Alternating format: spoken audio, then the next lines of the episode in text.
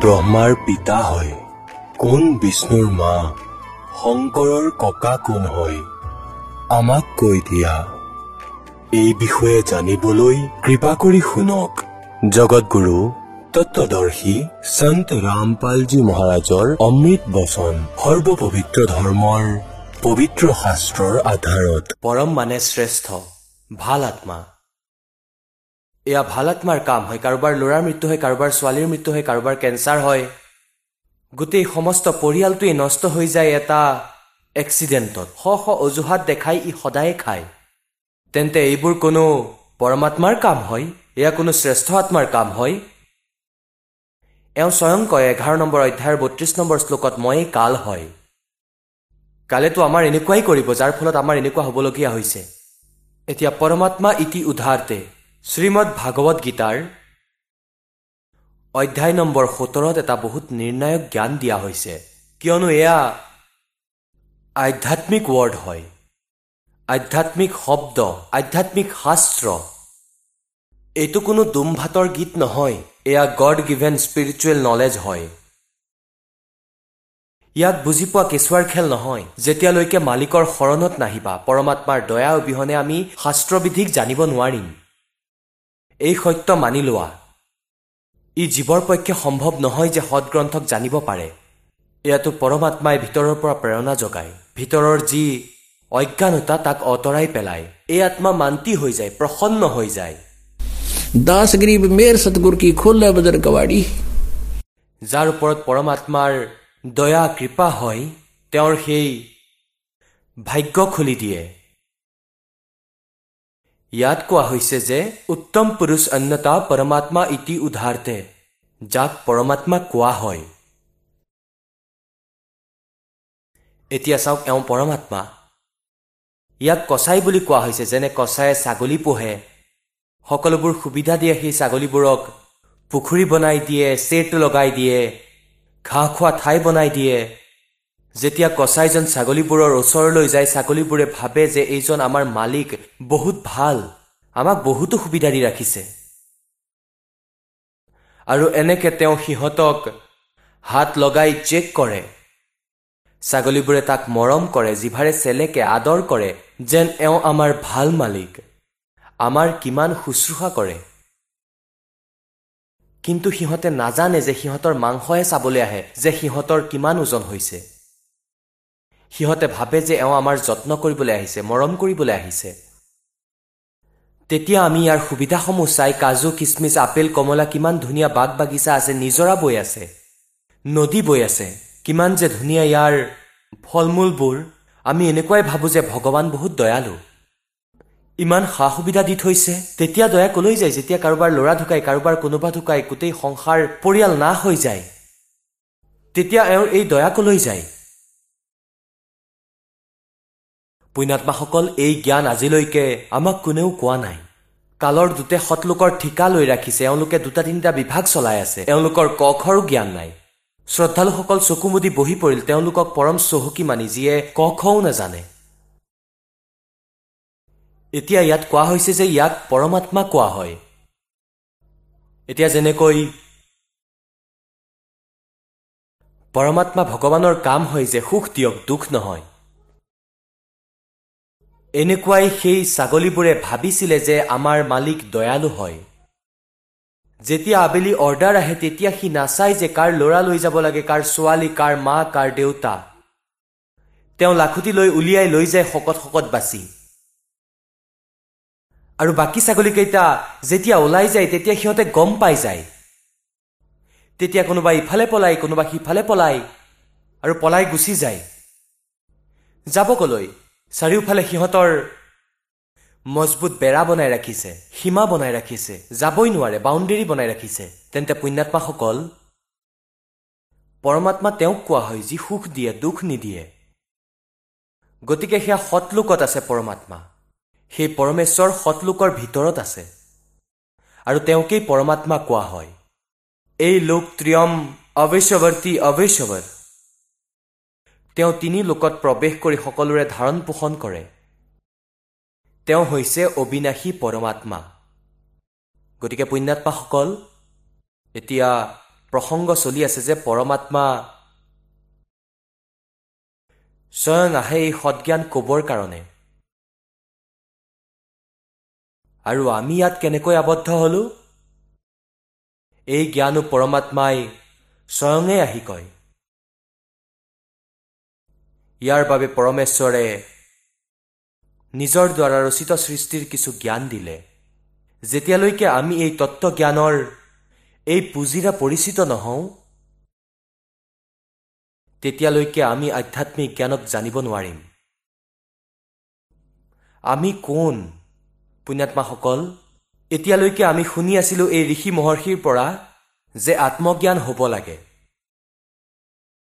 তেতিয়া পৰমাত্মাই কয় कूप की छाया और कूप के माही ऐसा आत्मज्ञान जैसे कुएं में की छाया কুঁৱাতেই সীমিত ইয়াৰ বাহিৰত একো প্ৰভাৱ নাই কুঁৱাৰ ছাৰ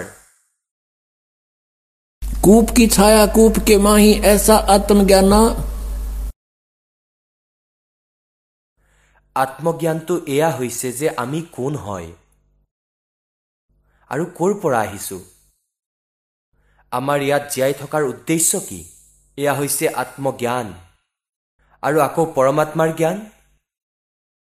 যে সেই পৰমাত্মা কোন হয়? ক'ত আছে? কেনেকুৱা? কেনেকৈ পোৱা যায়? তেওঁক আমি পাবলৈ চেষ্টা কৰি আছো। ইয়াৰ পৰা আমাৰ লাভ কি হ'ব? এয়া পৰমাত্মাৰ জ্ঞান। গতিকে ইয়াত সৎসংগৰ ভিতৰত আত্মা আৰু পৰমাত্মা দুয়োটাৰে জ্ঞান কোৱা হয়। এতিয়া সকলোৱে গম পালে যে আমি ইয়াত কিয় আবদ্ধ হৈ আছো। আমি জীৱ এয়া সকলোৱে কয় যে আমি জীৱ। আৰু জীৱৰ ধৰ্ম হৈছে জন্ম আৰু মৃত্যু। আৰু আমি ইয়াত ভক্তি কৰি স্বৰ্গলৈ যাব লাগে। স্বৰ্গত গৈ কি কৰিম? আমি তাত গৈ ভাল কৰ্মৰ সুখ ভুগিম। ফূৰ্তি কৰিম। তাত ফূৰ্তি কিমান দিন কৰিম? আৰু আকৌ কি হ'ব? তাত ইমান দিনেই সুখ ভুগিব পাৰিবা যেতিয়ালৈকে তোমাৰ পকেটত পইচা থাকিব। যিখিনি ভক্তি ধন তুমি পুণ্য ভক্তি সাধনাৰ জৰিয়তে গোটাই লৈ গৈছিলা সেয়া স্বৰ্গ মহাস্বৰ্গৰূপী হোটেলত খৰচ কৰি আকৌ ইয়ালৈকে উভতি আহিবা। কিয়নো সেয়া তোমাৰ ভোগৰ সময় আছিল ভোগৰ স্থান আছিল। কৰ্ম হ'ব এই পৃথিৱীত অহাৰ পিছতেই। ইয়াত আমি যি ইনকাম কৰি তালৈ যাম য'ত আমাৰ সাধনাৰ ফল শেষ হ'ব সেই ঠাইলৈ যাম। আৰু আমি তাত সময় বৰবাদ কৰি পুঁজি শেষ কৰি আকৌ ইয়ালৈ উভতি আহিম। অৰ্থাৎ এই জন্ম আৰু মৃত্যু সদায় বৰ্তি থাকিব। আৰু এওঁলোকে অন্তিম বিধান বনাইছে যে জন্ম আৰু মৃত্যু সকলোৰেই হয়। আৰু কোনোৱে মুক্তিৰ বিষয়ে ক'লে তেওঁ কয় যে পৰমাত্মাৰ লগত এনেদৰেই জীৱ মিলি যায় যেনেকৈ এটা টোপাল সমুদ্ৰত। পৰমাত্মা নিৰাকাৰ। আৰু আকৌ এনেকৈও কয় যে সমাধিত তেওঁৰ দৰ্শন হয়। যদি সমাধিত দৰ্শন হয় তেনেহ'লে তেওঁ নিৰাকাৰ কেনেকৈ হ'ল? আকৌ কথাটো ঘূৰাই কয় যে আমি ডিভাইন লাইট দেখিছোঁ ডিভাইন লাইট ঈশ্বৰীয় প্ৰকাশ দেখিছোঁ। যেনেকৈ কোনোবাই কয় যে মই টিউবলাইট দেখিছোঁ কোনো অন্ধ ব্যক্তিয়ে কৈছে আৰু তেওঁক সোধা হৈছে যে টিউবলাইটটো কেনেকুৱা আৰু তেওঁ কৈছে যে মই ভালকৈ দেখিছোঁ। কিন্তু তেওঁক কোনেও নুসুধে যে টিউবলাইটটো কেনেকুৱা হয় যিটোত তুমি পোহৰ দেখিছা আৰু অন্ধজনে কয় যে টিউবটো নিৰাকাৰ হয় ইয়াৰটো আকাৰেই নাই। টিউব বিনে লাইট কি? ঈশ্বৰ বিনে প্ৰকাশ ক'ত? তেন্তে এইবোৰ আমাৰ ভ্ৰমিত জ্ঞান আছিল। সেই পূৰ্ণ পৰমাত্মাই ছশ বছৰ আগতে কৈছিলে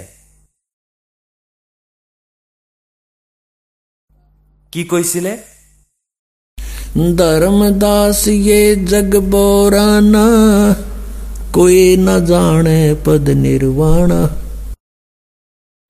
যেনেকৈ আপুনি ৰাতিপুৱাৰ সৎসংগত ঋগবেদ মণ্ডল নম্বৰ নৰ সুক্ত নম্বৰ ছিয়াশীৰ মন্ত্ৰ ছাব্বিছ আৰু সাতাইছত ঋগবেদ মণ্ডল নম্বৰ নৰ সুক্ত বিয়াশীৰ মন্ত্ৰ নম্বৰ এক দুই আৰু তিনিত আপুনি নিজে দেখিছে যে পৰমাত্মাৰ মহিমাত লিখা আছে যে সেই পৰমেশ্বৰ ওপৰৰ তৃতীয় মুক্তিধামত থাকে। তেওঁ দুয়োলোকৰ তৃতীয় স্থানত বিৰাজমান পৃষ্ঠত। তাৰ পৰা গতি কৰি অত্যাধিক তীব্ৰ গতিৰে চলি থকা পদাৰ্থৰ দৰে বিদ্যুতৰ দৰে আকাশীয় বজ্ৰৰ দৰে গতি কৰি আহে। আৰু ভাল আত্মাসকলক প্ৰাপ্ত হয়। পবিত্ৰ আত্মাসকলক লগ কৰে। শ্ৰেষ্ঠ আত্মাসকলে পায়। তেন্তে এনেকুৱা লীলা কোনজন ভগৱানে কৰিছে? কেৱল কবিৰ পৰমেশ্বৰজীয়ে। আৰু যাক আমি ভগৱান মানো তেওঁলোকৰ কোনো লীলাত বেদৰ অনুসৰি তেওঁলোকৰ মহিমা নাই। কেৱল কবিৰ চাহেবৰ মহিমা বেদ অনুসৰি হয়।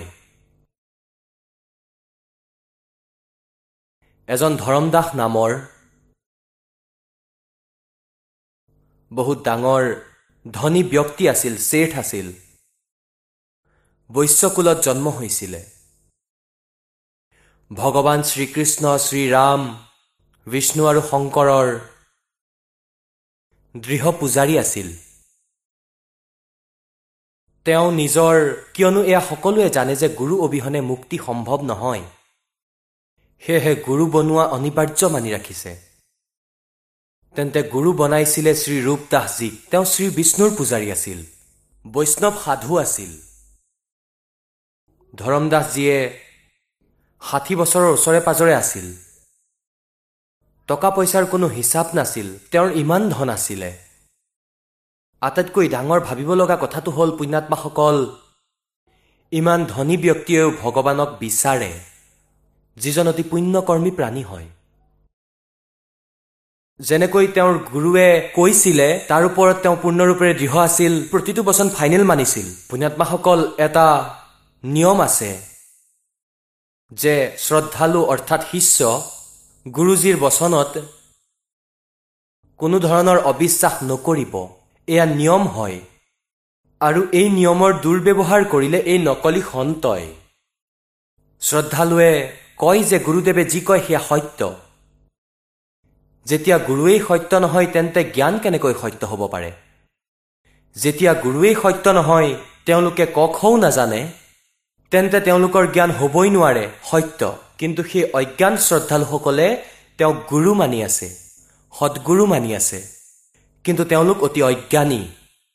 আজি দাসৰ যি ৱৰ্ড শুনি আছে প্ৰথমবাৰৰ বাবে এওঁলোকে ভাবিব যে ৰামপালে নিজকে সকলোতকৈ বিদ্বান বুলি ভাবিছে নহয়। দাস কোনো বিদ্বান নহয় কিন্তু গড গিভেন জ্ঞান নিশ্চয় আছে দাসৰ ওচৰত। বিদ্বানটো পৰমাত্মাহে। আৰু তেখেতে জ্ঞান দি থৈছে সেই জ্ঞানক মাথো চিঞৰি চিঞৰি কৈ আছে এই দাসে যে এয়া এনেকুৱা এনেকুৱা এনেকুৱা ভগৱানে কৈ দিছে। তেওঁৰেই দিয়া হোৱা ধন দাসে আপোনালোকক বিতৰণ কৰি আছে।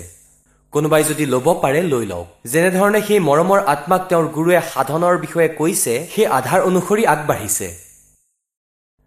গুৰুদেৱে কৈছিল যে হৰে কৃষ্ণ হৰে ৰাম ৰাধে শ্যাম সীতাৰাম ৰাধে ৰাধে শ্যাম মিলাতে। এয়া ঘুটি খুৱাই আছিল। কোৱা হৈছিল এই মন্ত্ৰই পাৰ কৰিব। ওম নমঃ শিৱাই ওম ভগৱতে বাসুদেৱাই নমঃ। এয়া প্ৰায় বিছ পঁচিছ ধৰণৰ মন্ত্ৰ দি গৈছিলে। আৰু একাদশীৰ ব্ৰত আৰু আঠষষ্ঠি তীৰ্থ ভ্ৰমণত যোৱা অনিবাৰ্য হয়। এই প্ৰকাৰে সেই সাধক আৰু গীতাৰ নৃত্য পাঠ কৰিব লাগে। এনেকৈয়ে সেই ধৰমদাসজীয়ে গুৰুদেৱৰ আদেশ অনুসৰি প্ৰতিদিনে গীতাৰ নৃত্য পাঠ কৰিছিলে। একাদশীৰ ব্ৰত ৰাখিছিলে আৰু তেখেতে আঠষষ্ঠি তীৰ্থভ্ৰমণ কৰিবলৈ সাজু হৈছিলে। গুৰুদেৱে কৈছিলে আঠষষ্ঠি তীৰ্থভ্ৰমণ অৱশ্যেই যাব লাগে। আৰু তেওঁ এনেকৈয়ে ঘূৰি ঘূৰি মথুৰা পালেগৈ এতিয়া তেওঁ দ্বাৰিকাটো নাই পোৱা কিয়নো দ্বাৰিকা সমুদ্ৰত ডুবি গৈছিলে নহলে দ্বাৰিকাটো হেঁচা ঠেলা খাবলগীয়া হলহেঁতেন। শ্ৰীকৃষ্ণই এইটো ভাল কাম কৰি গৈছিলে।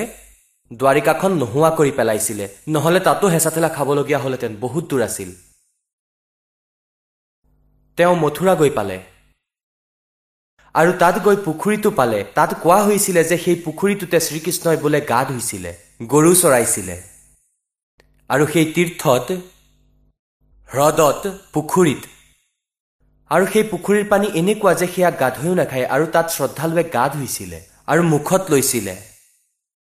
আৰু আত্মাইতো ভগৱানক বিচাৰেই যিকোনো প্ৰকাৰে যেন ভগৱানক প্ৰাপ্ত হয়। কিন্তু তেওঁৰ ৱে ঠিক নহয় মাৰ্ক সঠিক নহ'লে ভগৱানক কেনেকৈ প্ৰাপ্ত কৰিব? এতিয়া ধৰমদাসজীয়ে পুৱাই পুৱাই জহৰত পুখুৰীত স্নান কৰি তেখেতে মথুৰাৰ য'ত শ শ মানুহে গা ধুই পানী লেতেৰা কৰি থৈছে আৰু তাৰ পৰা ঘটিত ভৰাই পানী অমৃত মানি তাত থৈ দিলে।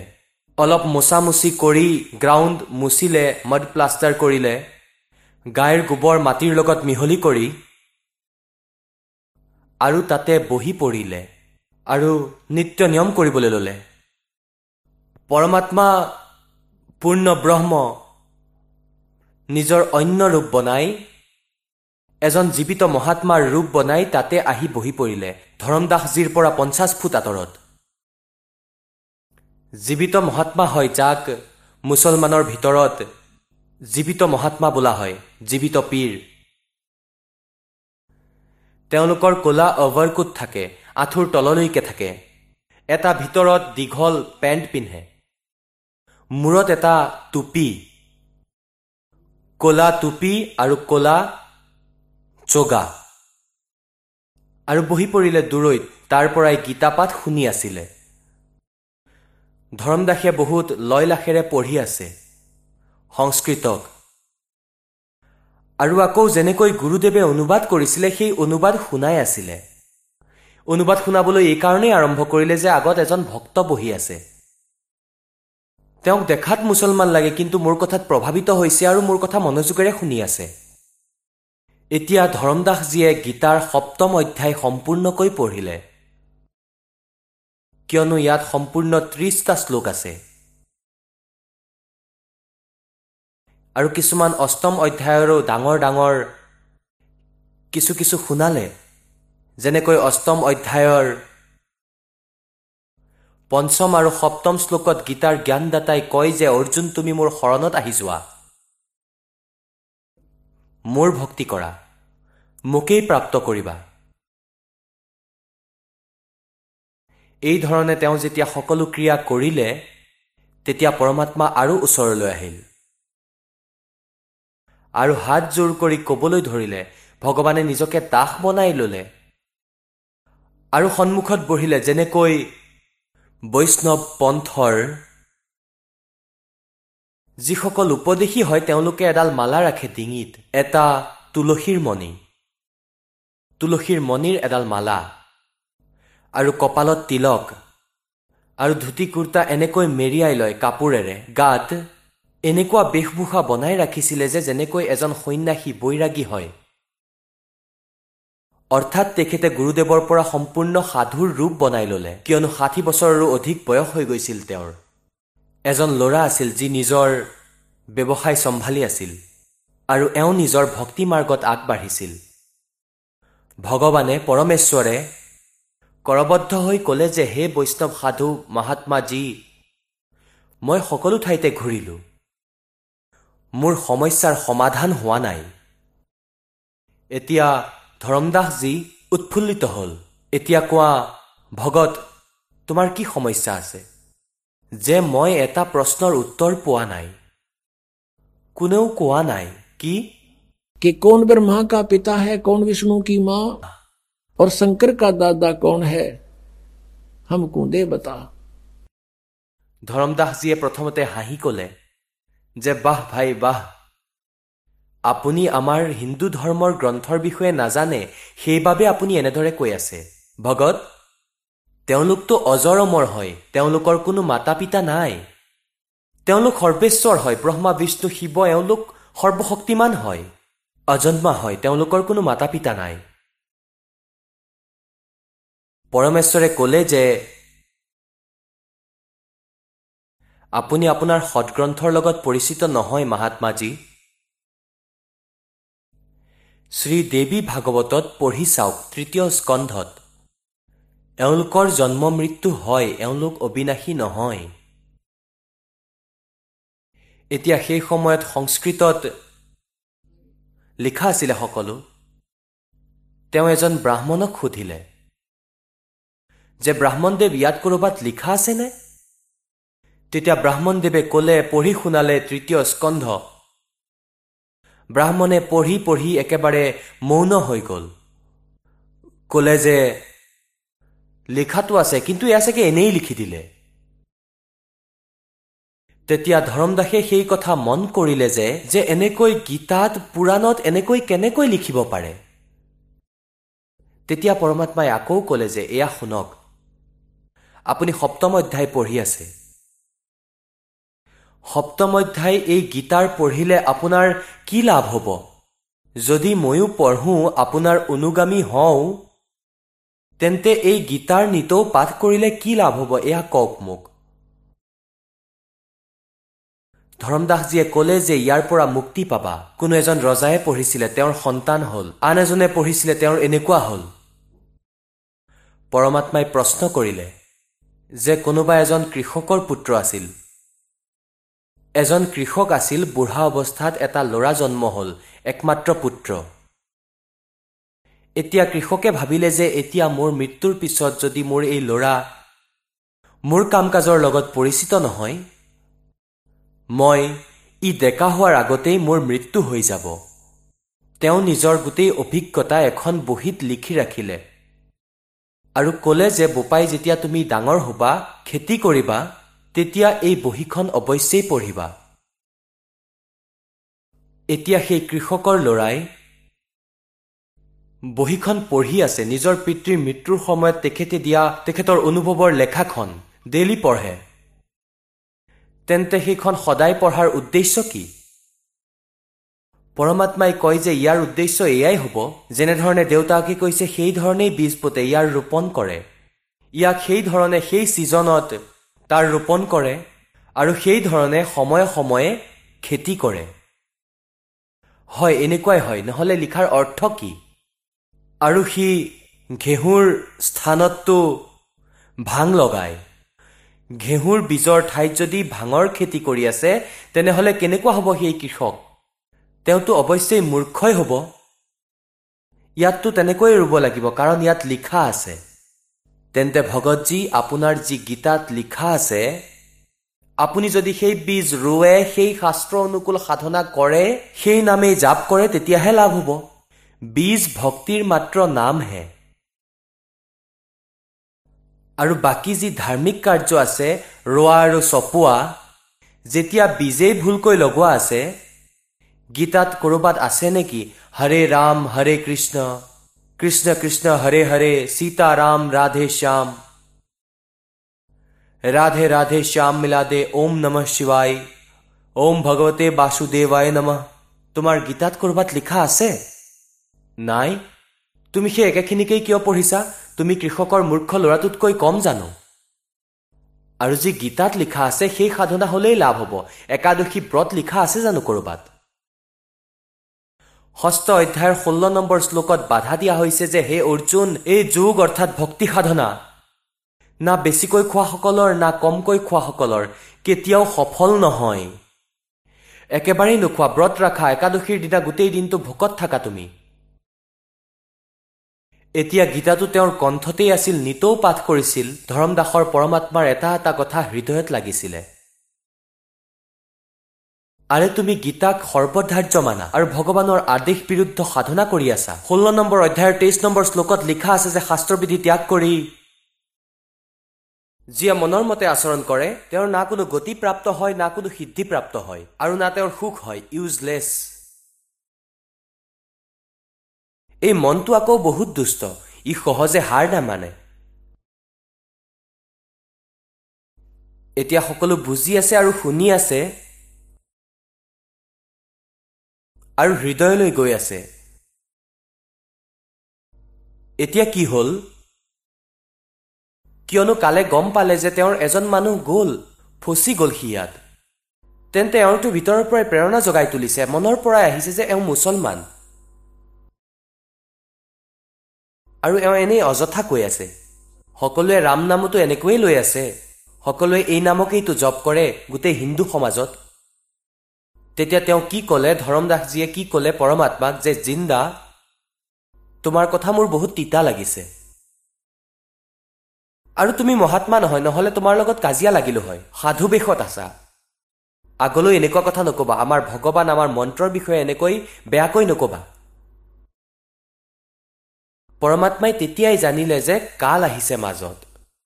অন্তৰ্ধান হৈ গ'ল ভগৱান তাৰ পৰা অদৃশ্য হৈ গ'ল। এতিয়া ওচৰৰ মানুহে কৈছে আৰু হঠাৎ অদৃশ্য হৈ পৰিলে কলিজা ফাটি যাবই মানুহৰ। আৰু কিছু বেপাৰীও আছিলে সন্মুখৰ পৰা ভগৱান হঠাৎ অদৃশ্য হৈ যোৱাত সেই সময়তে সকলোৱে চক খালে। আৰু তেওঁ ভাবিলে যে সকলো সঁচা কথাই কৈ আছিলে আৰু সকলোবোৰ সঁচা সঁচাই কৈ আছিলে। মোৰ ভাগ্যই বেয়া আছিলে এওঁ কোনোবা দূত আছিলে। কোনো ভগৱানে পঠোৱা দূত আছিলে। মই ডাঙৰ ভুল কৰিলোঁ আৰু সকলো সঁচা কথা কৈ আছিলে। এতিয়া পৰমাত্মাই এয়াও কৈছিলে যে যিটো পুখুৰীত তুমি গা ধুই আহিছা তাতেই ঠিক তাই তুমি কিমান জীৱক হত্যা কৰিলা। এতিয়া এতিয়া ধৰমদাসক মালিকে কৈছিল যে তুমি পঢ়া আৰু পূজা গীতাক আৰু গীতাৰ অধ্যায় নম্বৰ আঠৰ তেৰ নম্বৰ শ্লোকত পঢ়ি লোৱা कि ओम इति एकाक्षरम ब्रह्म विवरण माम अनुसमरण ये परियाति तदंदेहम सयाति परमाम गतिम মোৰ ব্ৰহ্মৰ কেৱল ওম এটা অক্ষৰেই আছে নাথিং এলছ আৰু যিয়ে ইয়াৰ উচ্চাৰণ কৰি স্মৰণ কৰি শৰীৰ এৰি যায় চ ইয়াতি পৰমাম গতি তেওঁৰ পৰম গতি প্ৰাপ্ত হয় যি ওমৰ পৰা পোৱা পৰম গতি আৰু তুমি জপ কৰা হৰে ৰাম হৰে কৃষ্ণ ৰাধে শ্যাম সীতাৰাম ৰাধে ৰাধে এয়া কিবা কথা হ'ল এতিয়া কোনো এজনে প্ৰশ্ন কৰিলে কৃষ্ণৰ পূজাৰীক যে আপোনাৰ ইষ্টদেৱ কোন প্ৰথমতে তেওঁ ক'লে ৰাধা আকৌ ক'লে শ্ৰীকৃষ্ণ মোৰ ইষ্টদেৱ ৰাধা হ'ল নে কৃষ্ণ হ'ল তোমাৰ ইষ্টদেৱ আচৰিত কথা কৈ আছা মূৰ্খৰ দৰে কথা ৰাধাটো শ্ৰীকৃষ্ণৰ সেয়া আছিল প্ৰেমিকা আৰু কোনো বন্ধু তেওঁৰ আগত তেওঁৰ প্ৰেমিকাৰ নাম লৈছে মিছা কথা কিয় ক'ব তেওঁ? তাতে তেওঁলোকৰ বন্ধুত্ব বিচ্ছিন্ন হ'ব। অৰ্থাৎ শ্ৰীকৃষ্ণৰ পূজা কৰে আৰু ৰাধাক শ্ৰদ্ধা কৰে।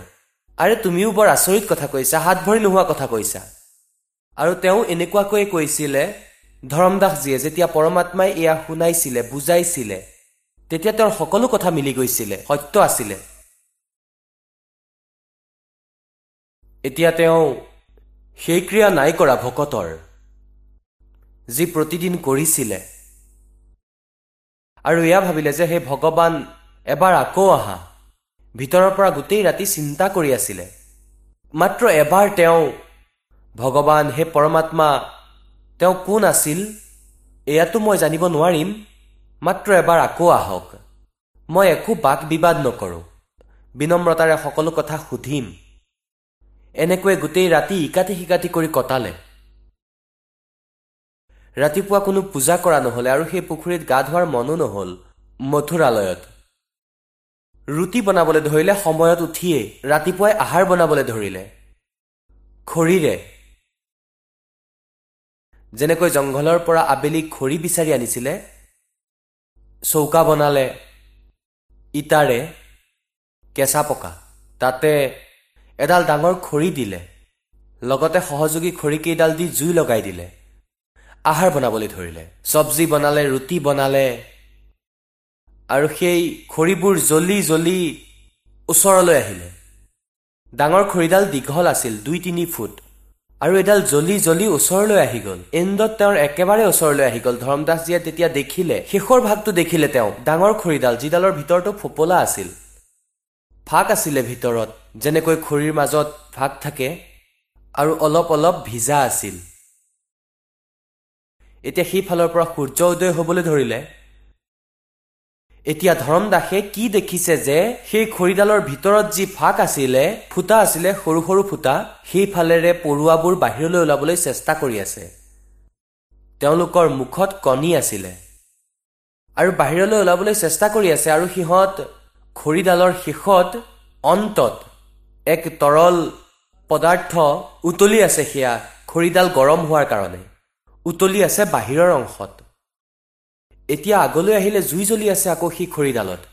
আৰু বাহিৰলৈ ওলাই আহোঁতে পৰি গৈছে তৰল পদাৰ্থটোত পৰি চটক মটক কৰি আছে জ্বলি আছে। এতিয়া ধৰম দাসজীৰ হাত ভৰি ফুলি গ'ল। তেওঁ লগে লগে সেই খৰিডাল নুমুৱাই আৰু পানী ঢালি দিলে জুই নুমুৱাই দিলে। যিমান আহাৰ বনোৱা হৈছিল সিমানেই বনালে আৰু নবনালে। এতিয়া তেওঁ ভাবিলে যে হে ভগৱান আজি কিমান জীৱ জ্বলি গ'ল ইয়াৰ ভিতৰত। ইমান দীঘল খৰি আছিল এইডাল। আৰু এতিয়াতো অলপমানেই বাকী আছিলে। আৰু ইয়াততো গোটেই পৰুৱা ভৰি আছিলে। জ্বলি গ'ল সিহঁতৰ পোৱালিবোৰো জ্বলি গ'ল। এই পাপৰ ভোজন মই আজি নকৰোঁ। এয়া আজি কোনো সাধু সন্তক খুৱাই দিম মই আজি বিনা আহাৰে থাকিম। এনে বিচাৰ কৰি তেওঁ গোটেই আহাৰ উঠালে আৰু ওলাই গ'ল। সাধু সন্ত বিচাৰি। আমি সাধু সন্ত সেইসকলক মানুহ যিসকলে দীঘল দীঘল দাড়ি বনাই ৰাখিছে ওপৰত জতা বান্ধি ৰাখিছে এখন ধুতি পিন্ধি আছে আৰু বহি আছে নগ্ন হৈ বা শৰীৰত গোটেই ৰঙা কাপোৰ গেৰুৱা কাপোৰ আৰু মূৰটো টকলা কৰি ৰাখিছে আৰু মালা পিন্ধি আছে। এনেকুৱাক আমি সন্ত বুলি মানো। পৰমাত্মাৰ যেনেকুৱা দৃষ্টিকোণ তেওঁ মানি আছিলে তেনেকুৱা সাধুৰে তেওঁ ৰূপ পাইছিলে। এজন হিন্দু সন্তৰ ৰূপ বনাই এজোপা গছৰ তলত বহি পৰিলে। ধৰম দাসজীৰ চকু পৰিল। ভাবিলে যে এইজন মহাত্মা ওচৰতে পাই গলো। গৈ সেই গোটেই থালিখন গোটেই বস্তু যিমান আহাৰ আছিল ৰাখি দিলে পৰমাত্মাৰ সন্মুখত। ভোজন কৰি লওক ভোক লাগিছে হয়তো। হয় ধৰম দাস ভোক লাগিছে। কালিৰে পৰা একো খোৱা নাই মই। যেতিয়া ধৰম দাস বুলি ক'লে তেওঁ এবাৰ চালে যে এই মহাত্মাই মোক চিনি পায় তেতিয়া তেওঁ ভাবিলে যে মই ডাঙৰ ডাঙৰ যজ্ঞ কৰোৱাওঁ ডাঙৰ ভোজন আয়োজন কৰোঁ সাধু সন্তক মাতি তেওঁলোকক ভোজন কৰোৱাওঁ। তেওঁলোকৰে কোনোবা হ'ব। ধ্যান দিয়া নাছিলোঁ। পৰমাত্মাই এক ঘটি পানী লগত লৈ আছিলে। তাৰ পৰা অলপ পানী ল'লে আৰু এনেকৈ ছটিয়াই এটা মন্ত্ৰ বুৰবুৰাই মাতিলে গোটেই ভোজনত। লগে লগে গোটেই ভোজন পৰুৱা হৈ গ'ল। আৰু সম্পূৰ্ণ থালিখন ক'লা হৈ গ'ল। আৰু পৰুৱাবোৰে কণী লৈ লৈ থালিখনৰ পৰা বাহিৰলৈ ওলাবলৈ চেষ্টা কৰি আছিলে। তেতিয়া পৰমাত্মা সেই ৰূপত আহিলে যি ৰূপত প্ৰথমতে কথা পাতিছিলে। আৰু ক'লে ধৰম দাস তুমি আহিছিলা পুণ্য কৰিবলৈ আৰু তুমি কালি কি কৈ আছিলা? পৰমাত্মাক দেখি ধৰম দাসে মুছলমান ৰূপত ভগৱানক এজন মুছলমান ভাবিছিলে আৰু পৰমাত্মাই সেই তিতা সঁচা কৈছিলে গতিকে তেওঁ দুখ পাইছিলে। আৰু এয়া কৈছিলা যে মই জীৱহিংসা নকৰোঁ। আমি আনৰ দৰে জীৱহিংসা নকৰোঁ। অৰ্থাৎ বহুত দুখেৰে কৈছিলা তুমি। টিউন এনেকুৱা আছিলে যে তুমি মুছলমান আৰু তুমি মাংস খোৱা। আমি হিন্দু আমি হিংসা নকৰোঁ। আমি জীৱহিংসা নকৰোঁ। তেতিয়া পৰমাত্মাই ক'লে যে তোমাতকৈতো কচায়েই ভাল। আৰু এই পাপৰ ভোজন তুমি মোক খুৱাবলৈ আহিছা? আৰে অপৰাধী ব্যক্তি যেতিয়া ধৰম দাসে দেখিলে যে এইজন সেইজনেই কালিৰ ব্যক্তিজন ভৰিত পৰি গ'ল। বেয়াকৈ কান্দিলে। হে ভগৱান মোৰ দ্বাৰা ভুল হৈ গ'ল। কালি মই বহুত বাক বিবাদ কৰিলোঁ। মোক ক্ষমা কৰা ভগৱান মোৰ দ্বাৰা ভুল হৈ গ'ল। মোক সেই জ্ঞান আৰু শুনাওক। এতিয়া পৰমাত্মাইতো বিচাৰিছিলেই যে এওঁ চিধা হওক যিকোনো ধৰণে যিকোনো প্ৰকাৰে ইয়াৰ এই বেমাৰ ওলাই যাওক যি লেতেৰা ভৰি আছে। গতিকে বহি পৰিলে তাতেই। এতিয়া আগৰ জ্ঞানখিনি শুনা। কালি তুমি গীতাৰ সপ্তম অধ্যায় পঢ়িছিলা। সপ্তম অধ্যায়ৰ বাৰৰ পৰা আৰম্ভ কৰি পোন্ধৰলৈকে আৰু বিছৰ পৰা তেইছলৈকে এই শ্লোকত যিসকলক তুমি পূজা কৰা এই তিনিওটা গুণৰ পৰা তুমি শংকৰ আৰু বিষ্ণুদেৱৰ তমগুণ শংকৰ আৰু সৎগুণ বিষ্ণুদেৱৰ পূজা কৰা তুমি। তেন্তে কি লিখা আছে তোমাৰ গীতাত এবাৰ খুলি দেখুওৱা। তেতিয়া পৰমাত্মাই দেখালে যে চোৱা পুণ্যাত্মাসকল আজিৰ পৰা ছশ বছৰ আগতে পৰমাত্মাই এই জ্ঞান শুনাইছিলে যি আজি এই দাসে সদগ্ৰন্থৰ লগত আপোনাক চিনাকি কৰাই আছে। গীতা হিন্দু সমাজৰ মাজত শিৰোধাৰ্য আৰু ভাল সদগ্ৰন্থ বুলি মনা যায় আৰু হয় কিন্তু ইয়াত লিখা কি আছে এয়া আমি আজিলৈকে নাজানো। পৰমেশ্বৰ কবিৰজীয়ে এয়া ছশ বছৰ আগতে কৈছিলে কিয়নো তেওঁ পৰমাত্মা। এতিয়া চাব শ্ৰীমদ ভাগৱত গীতা গীতা প্ৰেছ গোৰখপুৰৰ পৰা প্ৰকাশিত। জয়দয়াল গয়ন্দকা ইয়াৰ অনুবাদক এয়া অধ্যায় সাত। শ্ৰীমদ ভাগৱত গীতা ইয়াত বাৰ নম্বৰ শ্লোকটো চাওক। ইয়াত লিখা আছে আৰু যিবোৰ সৎগুণেৰে উৎপন্ন হোৱা ভাৱ আছে আৰু যি ৰজগুণ তথা দমগুণৰ পৰা হোৱা ভাৱ আছে এইবোৰ মোৰ পৰাই হ'ব লগা এনে মানি লোৱা কিন্তু বাস্তৱত মই আৰু সেয়া মোৰ লগত নাই। এতিয়া ৰজগুণ শতগুণ তমগুণ কি হয়? এয়া অলপমান কনচেপ্ট ক্লিয়াৰ কৰিব লাগিব। ৰজগুণ ব্ৰহ্মাজী সৎগুণ বিষ্ণুজী তমগুণ শিৱজী চাব মাৰ্কেন্দ্ৰেয় পুৰাণ ইয়াৰ পৰা আৰম্ভ কৰোঁ। গীতা প্ৰেছ গোৰখপুৰৰ পৰা প্ৰকাশিত। সচিত মোটা টাইপ গীতা প্ৰেছ গোৰখপুৰৰ পৰা প্ৰকাশিত। ইয়াৰ প্ৰকাশক ও মুদ্ৰক হৈছে গোবিন্দ ভৱন কাৰ্যালয় কলকাতাৰ সংস্থান। এয়া এওঁলোকৰ ফেক্স আৰু ফোন নম্বৰ। ইয়াৰ এশ তেইছ নম্বৰ পৃষ্ঠাত চাব।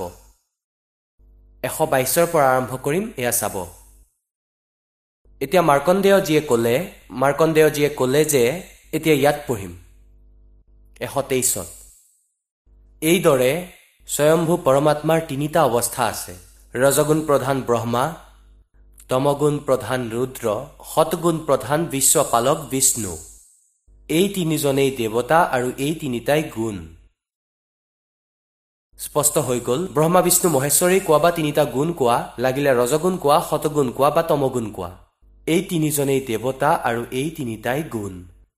ইয়াতকৈ আৰু ভালকৈ কনচেপ্ট ক্লিয়াৰ আৰু ক'তোৱে হ'ব নোৱাৰে তথাপিও আৰু দেখুৱাম। এতিয়া ইয়াক কোৱা হয় যে এই তিনিটা গুণ যিয়ে আছে ইয়াৰ নিমিত্ত কাৰণ ময়েই হয়। কালে কৈ আছে গীতাৰ জ্ঞান শ্ৰীকৃষ্ণত প্ৰৱেশ কৰি কোনে কৈ আছে এয়া কালেই কৈ আছে। আৰু এয়া কৈ আছে যে এয়া যি হৈ আছে ৰজগুণৰ পৰা ব্ৰহ্মাৰ পৰা উৎপত্তি অৰ্থাৎ সকলো জীৱ এই ৰজগুণৰ ইনজেকশ্যন লাগি যোৱাৰ প্ৰভাৱতেই আমি সন্তান উৎপত্তি কৰোঁ। ইয়াত যি টি কৰাৰ যি ইচ্ছা কৰোঁ। এয়া ৰজগুণৰ প্ৰকোপত শ্ৰী ব্ৰহ্মাজীৰ প্ৰকোপত। আৰু আকৌ স্থিতি যি মমতা মোহত আবদ্ধ হৈ আছে এয়া জীৱৰ হাতত নাই। আকৌ সংহাৰ তমগুণেৰে অৰ্থাৎ শিৱজীৰে এই তিনিওজনেই কয় যে ময়েই ইয়াৰ মুখ্য কাৰণ। মোৰ বাবে হৈছে কাৰণ তেওঁক অভিশাপ লাগি আছে এক লাখ মানৱধাৰী প্ৰাণীৰ ভোজন কৰাৰ। কয় যে এই তিনিওজনৰে নিমিত্ত কাৰণ ময়েই হয় কিন্তু মই ইয়াৰ পৰা বাহিৰত পৃথক।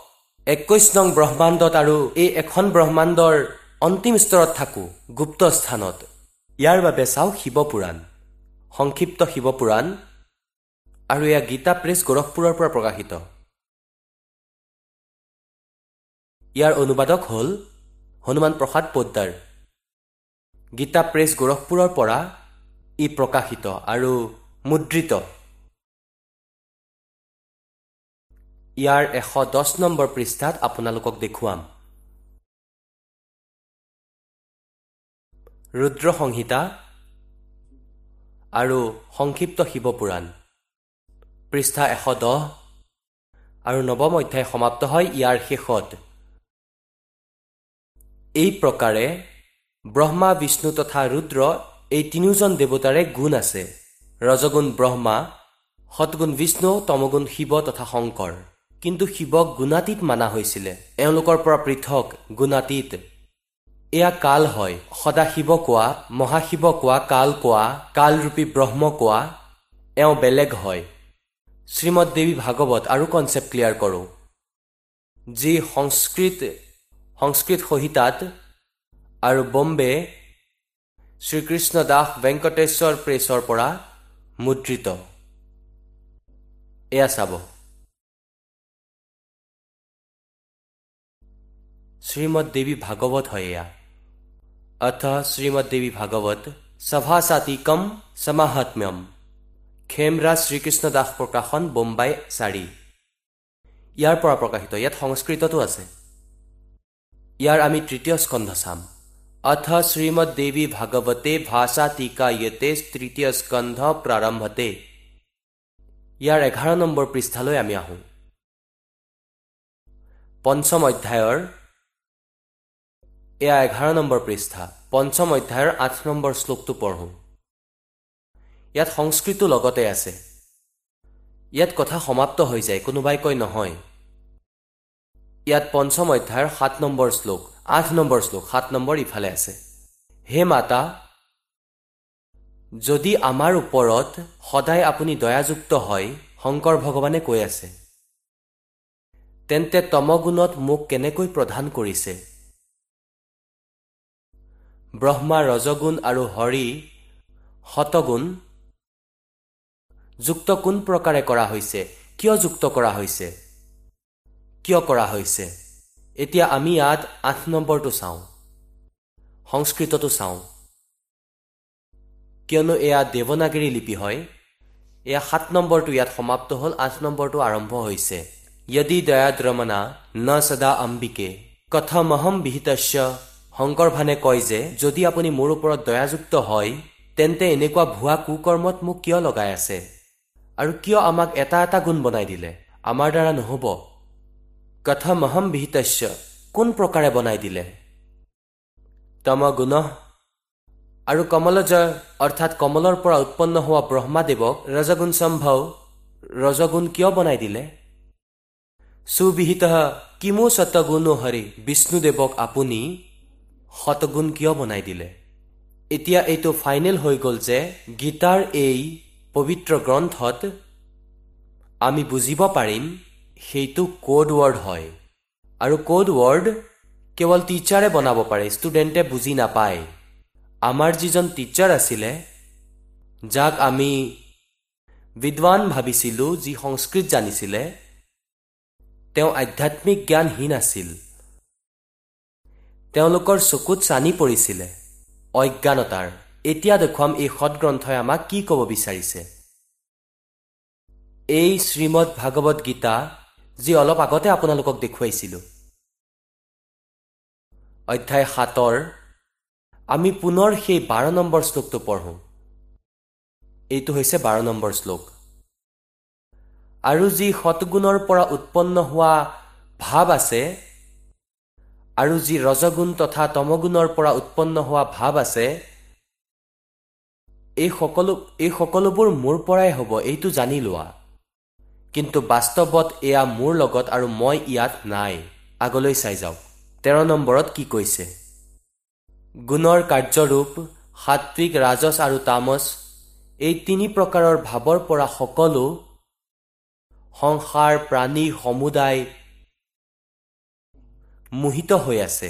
এই তিনি গুণৰ পৰা ওপৰত ৰজগুণ ব্ৰহ্মা শতগুণ বিষ্ণু তমগুণ শিৱৰ ওপৰৰ মই অবিনাশীজনক নাজানে।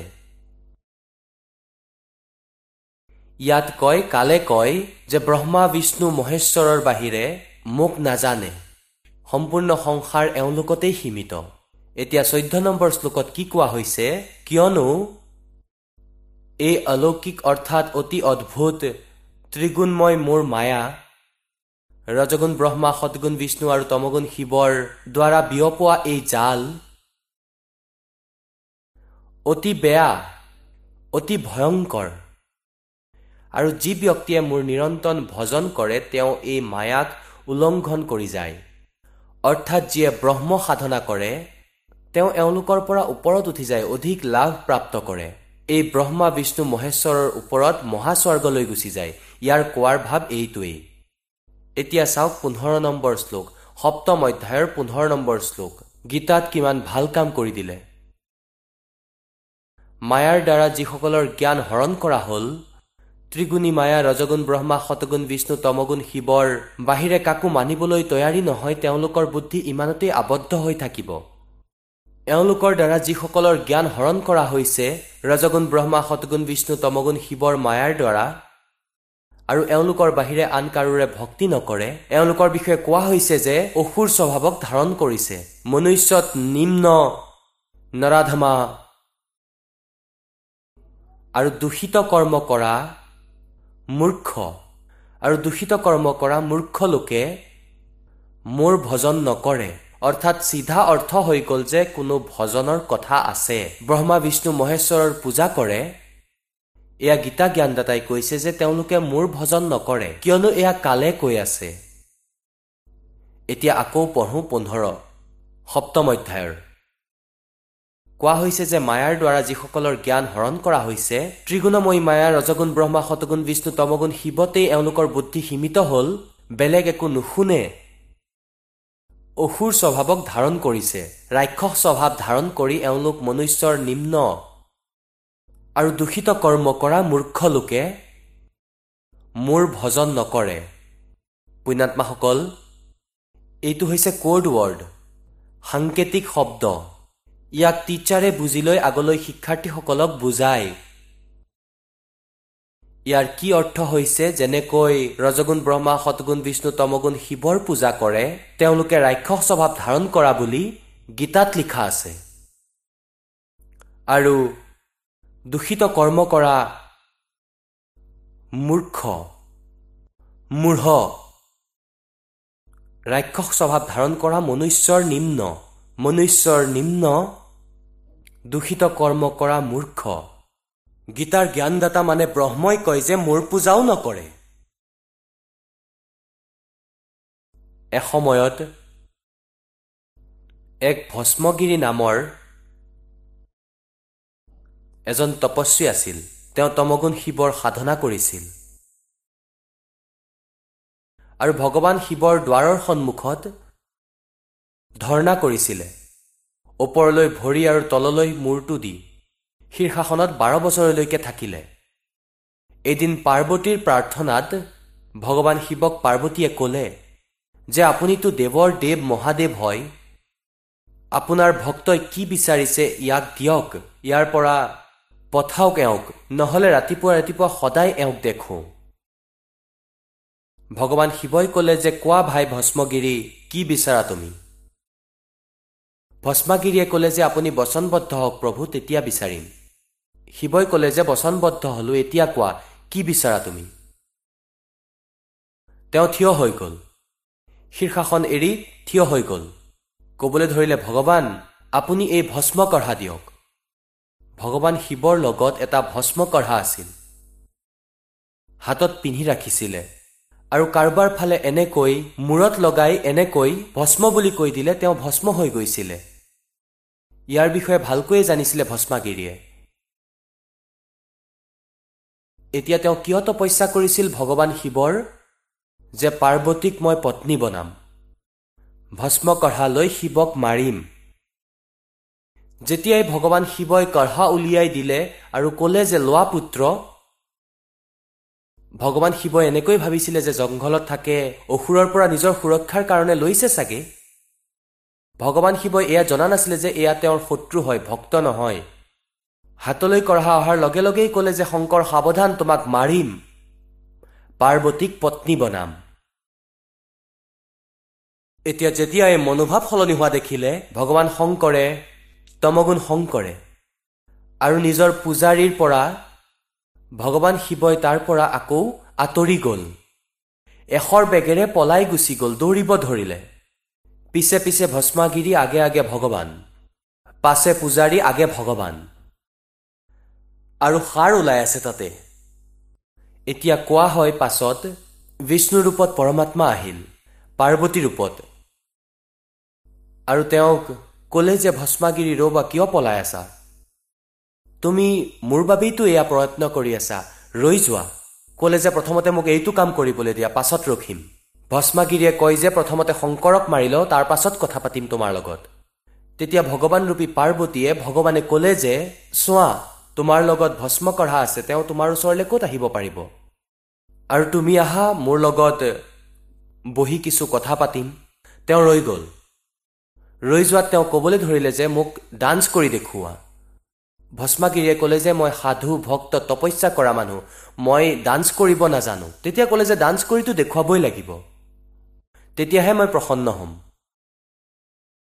কোৱাৰ পিছত তেওঁ কৰিবলৈ ধৰিলে ডান্স। মই কৈছো এনেকৈ কৰা এনেকৈ কৰা এনেদৰে কৰি যিখন হাতত কঢ়া আছিল সেইখন মূৰৰ ওপৰত ৰখুৱালে। আৰু ওপৰ কৰা আৰু কৰা। যেতিয়া ওপৰত ললে তেতিয়া ক'লে ভস্ম। পাছত ভস্মাগিৰি মৰি গ'ল ভস্ম হৈ গ'ল পাছত তাক ভস্মাসুৰ বুলি কোৱা হ'ল। আকৌ বিষ্ণুৰূপ ধাৰণ কৰি ভগৱান তাত পালেগৈ য'ত শংকৰ এক্সপ্ৰেছ হৈ দৌৰি আছিলে। তাত গৈ থিয় হৈ গ'ল আৰু ক'লে যে ৰ'বা ভোলেনাথ ৰৈ যোৱা। তাতেই ৰৈ যোৱা। আৰু যেতিয়া দেখিলে বিষ্ণুদেৱ তেতিয়া ক'লে পলোৱা পলোৱা পলোৱা। তেতিয়া সুধিলে কিয় কলৈ পলাই আছা? তেতিয়া তেওঁ ক'লে যে ভস্মাগিৰিয়ে মোক এনেদৰে ঠগিলে। তেতিয়া ভগৱান বিষ্ণুৰ ৰূপত পৰমাত্মা আছিল সেয়া। পূৰ্ণ ব্ৰহ্মই আহি ৰক্ষা কৰিছিল তেওঁক। ক'বলৈ ধৰিলে যে চোৱা মই তেওঁক মাৰিলো এয়া তোমাৰ ভস্ম কৰা ধৰা। এওঁৰতো ভয়ংকৰ ৰূপ বিশালকায় ৰূপ আছিল এনেকৈ কেনেকৈ দি দিলে এই কাঢ়াটো? তেতিয়া আকৌ উভতি আহি ক'লে যে এয়া ছাই পৰি আছে। তেতিয়া ভগৱান শিৱৰ কলিজা শান্ত হ'ল। আৰু আমি এওঁলোকক ভগৱান মানো। আৰু এই কথা আমি সদায় পঢ়োঁ যে ভগৱান ভস্মগিৰিৰ আগত পলাই গৈছিলে। শংকৰ যদি অবিনাশী হ'লহেঁতেন অজৰ অমৰ হ'লহেঁতেন তেন্তে ক'লেহেঁতেন আ ভাই কি কৰিবি? যেনেকৈ কবিৰ পৰমাত্মাক এনেকৈ কাটিছিলে পঞ্চাছ টুকুৰা কৰিছিলে সেই শেষ টকীয়ে কৰিছিলে। আৰু লগে লগেই থিয় হৈ গৈছিলে ভগৱান সন্মুখত। আৰু বহুত বহুত যাতনা দিছিলে। গংগাত ডুবাই দিছিলে কিন্তু মালিকক বাহিৰত ৰৈ থকা পালে। এতিয়া পুণ্যাত্মাসকল এয়া তমগুণৰ পূজাৰীক অসুৰ কোৱা হ'ল ভস্মাগিৰি নহয় ভস্মাসুৰ কোৱা হ'ল। আৰু ৰাৱণে তপ কৰিছিলে সাধনা ভক্তি কৰিছিলে এইজন তমগুণ ভগৱান শিৱশংকৰৰ। আৰু নিজৰে অৰ্থাৎ পৰস্ত্ৰীক উঠাই অনা মহাপাপ আছিল ঘোৰ পাপ আছিল। অবলা নাৰীক বলপূৰ্বকভাৱে উঠাই অনা আৰু আকৌ সেয়া ভগৱানৰ শিৱৰ ককায়েকৰ পত্নী অৰ্থাৎ বিষ্ণুৰ পত্নী যি মাৰ তুল্য হয় আৰু শিৱৰ পূজাৰীয়ে সীতাক উঠাই লৈ গ'ল। কৰ্কুব্ধ কৰিলে। ৰাক্ষস কোৱা হ'ল আৰু কুকুৰৰ দৰে মৰিলে। আৰু ৰজগুণৰ অৰ্থাৎ ব্ৰহ্মাজীৰ পূজাৰী আছিল হিৰণ্যকশিপু। এতিয়া তেওঁ কি পাপ কৰিছিলে পুত্ৰৰ শত্ৰু হৈ পৰিলে অসুৰ কোৱা হ'ল? আৰু তেনেদৰেই তেওঁৰ অন্ত হ'ল। এতিয়া বৈষ্ণৱ বিষ্ণুৰ পূজাৰী যি শতগুণৰ হয় বৈষ্ণৱ কোৱা হয়? এসময়ত কুম্ভৰ মেলা লাগিল হৰিদ্বাৰত। তাতে সকলোৱে গংগাৰ ঘাটত গা ধুবলৈ প্ৰবি ল'বলৈ যায়। গিৰি পুৰী নাগা বৈষ্ণৱ আৰু বেলেগ বেলেগ নিজৰ বেলেগ বেলেগ গ্ৰুপত গৈ একত্ৰিত হৈ যায়। গিৰি বেলেগ পুৰী পৃথক সন্যাসী পৃথক নাগা পৃথক আৰু বৈষ্ণৱ পৃথক। আৰু স্নান কৰিবৰ সময়ত সকলোৱে প্ৰস্থান কৰে নিজ নিজ মুখীয়াৰ পিছে পিছে। এনেকুৱাই হ'ল। সকলোৰে আগত নাগা যিসকল একেবাৰে নগ্ন থাকে এওঁলোক হাজাৰৰ সংখ্যাত আছিল। সেইসকল তাত পালেগৈ। গংগাৰ ঘাটত হৰিদ্বাৰত আৰু সকলোৱে স্নান কৰিবলৈ পজিশ্যন ল'লে। পিছৰ পৰা আকৌ আহিল বৈষ্ণৱ সাধুসকলৰ সম্পূৰ্ণ গ্ৰুপ বহু হাজাৰৰ সংখ্যাত। তেওঁলোকে গৈ ক'ব ধৰিলে যে নাগাসকল তোমালোকে পাছত স্নান কৰিবা আমি সৰ্বশ্ৰেষ্ঠ হয়। নাগাই ক'ব ধৰিলে যে আমি সৰ্বশ্ৰেষ্ঠ। আমি ত্যাগী আৰু বৈৰাগী। আমি কোনো কাপোৰো গাত নাৰাখ। আমি একেবাৰে নিহ ইচ্ছাৰে ঘূৰো। আমি সৰ্বশ্ৰেষ্ঠ। আমি প্ৰথমে স্নান কৰিম। বৈষ্ণৱ সাধুৱে ক'বলৈ ধৰিলে আৰে পশুৰ দৰে তোমালোকে নগ্ন থাকা। তোমালোকে শৌচ কৰি হাত নোধোৱা আঁতৰ হোৱা। বাহিৰ ওলোৱা আমি ধুম প্ৰথমতে। আজি তোমালোকে প্ৰথম গা ধোৱা হৈ পৰিলা। কোৱাৰ ভাৱ এইটোৱে যে গংগাও পাহৰি গ'ল। ভগৱানো মনত নাথাকিল। লাঠি দাণ্ডা লৈ তীৰ উলিয়াই ল'লে তৰোৱাল উলিয়াই ল'লে। ইজনে সিজনক কাটিবলৈ ধৰিলে। পঁচিছ হাজাৰ এই ত্ৰিগুণ উপাসক তাতে কটাকটি কৰি মৰি গ'ল। তেন্তে এয়া কৰ্মকাৰ অসুৰ স্বভাৱ ধাৰণ কৰা মনুষ্যৰ নিম্ন দূষিত কৰ্ম কৰা মূৰ্খ। গংগাৰ পানী লেতেৰা হৈ যাব দুই মিনিটৰ পিছত গা ধুই লোৱা। ধুই লোৱা তোমালোকে কোনো কথা নাই আমি বহিম। এজন সাধাৰণ মানুহতকৈ নিজ এওঁলোকৰ কেৰেক্টাৰ। যদি আপুনিও গংগা স্নান কৰিবলৈ কেতিয়াবা গৈছে দলে বলে গ'লে আমিও গৈছিলোঁ। কোনোবাই আহি ক'লে ময়ো গা ধুম তেতিয়া কওঁ যোৱা। তেওঁকো স্থান দিছিলোঁ আহক আপুনিও ধুই লওক। সাধাৰণ মানুহৰ ব্যৱহাৰো ইয়াতকৈ ভাল আৰু আমি এওঁলোকক মাহাত্মা বুলি কওঁ এওঁলোকৰ ওচৰত দীক্ষা ল'বলৈ যাওঁ এওঁলোকৰ পৰা মুক্তি বিচাৰোঁ এই বিষয়ে পৰমেশ্বৰে সূক্ষ্মবেদত কৈছে तीर तुपक तलवार कटारी दम धड़ जोर बधावे हैं और हर पैड़ी हर हेथ ना जाण्या वहां जा तेग चलावे और काटे शीस नहीं दिल करुणा ये जग में साध को आवे हैं और जो जन इनके दर्शन को जावे उनको भी नरक पठावे आप सुन रहे थे जगत गुरु तत्वदर्शी संत रामपाल जी महाराज जी के मंगल प्रवचन। अधिक जानकारी के लिए विज़िट कीजिए हमारी वेबसाइट www.jagatgururampalji.org संत रामपाल जी महाराज जी के शुभ आशीर्वाद से पूरे विश्व भर में 500 से भी ज़्यादा नाम दीक्षा केंद्र हैं, जिन पर संत रामपाल जी महाराज जी द्वारा ऑनलाइन निशुल्क नाम दीक्षा दी जा रही है। अपने नजदीकी नाम दीक्षा केंद्र का पता करने के लिए संपर्क करें। Eight two two two 880541.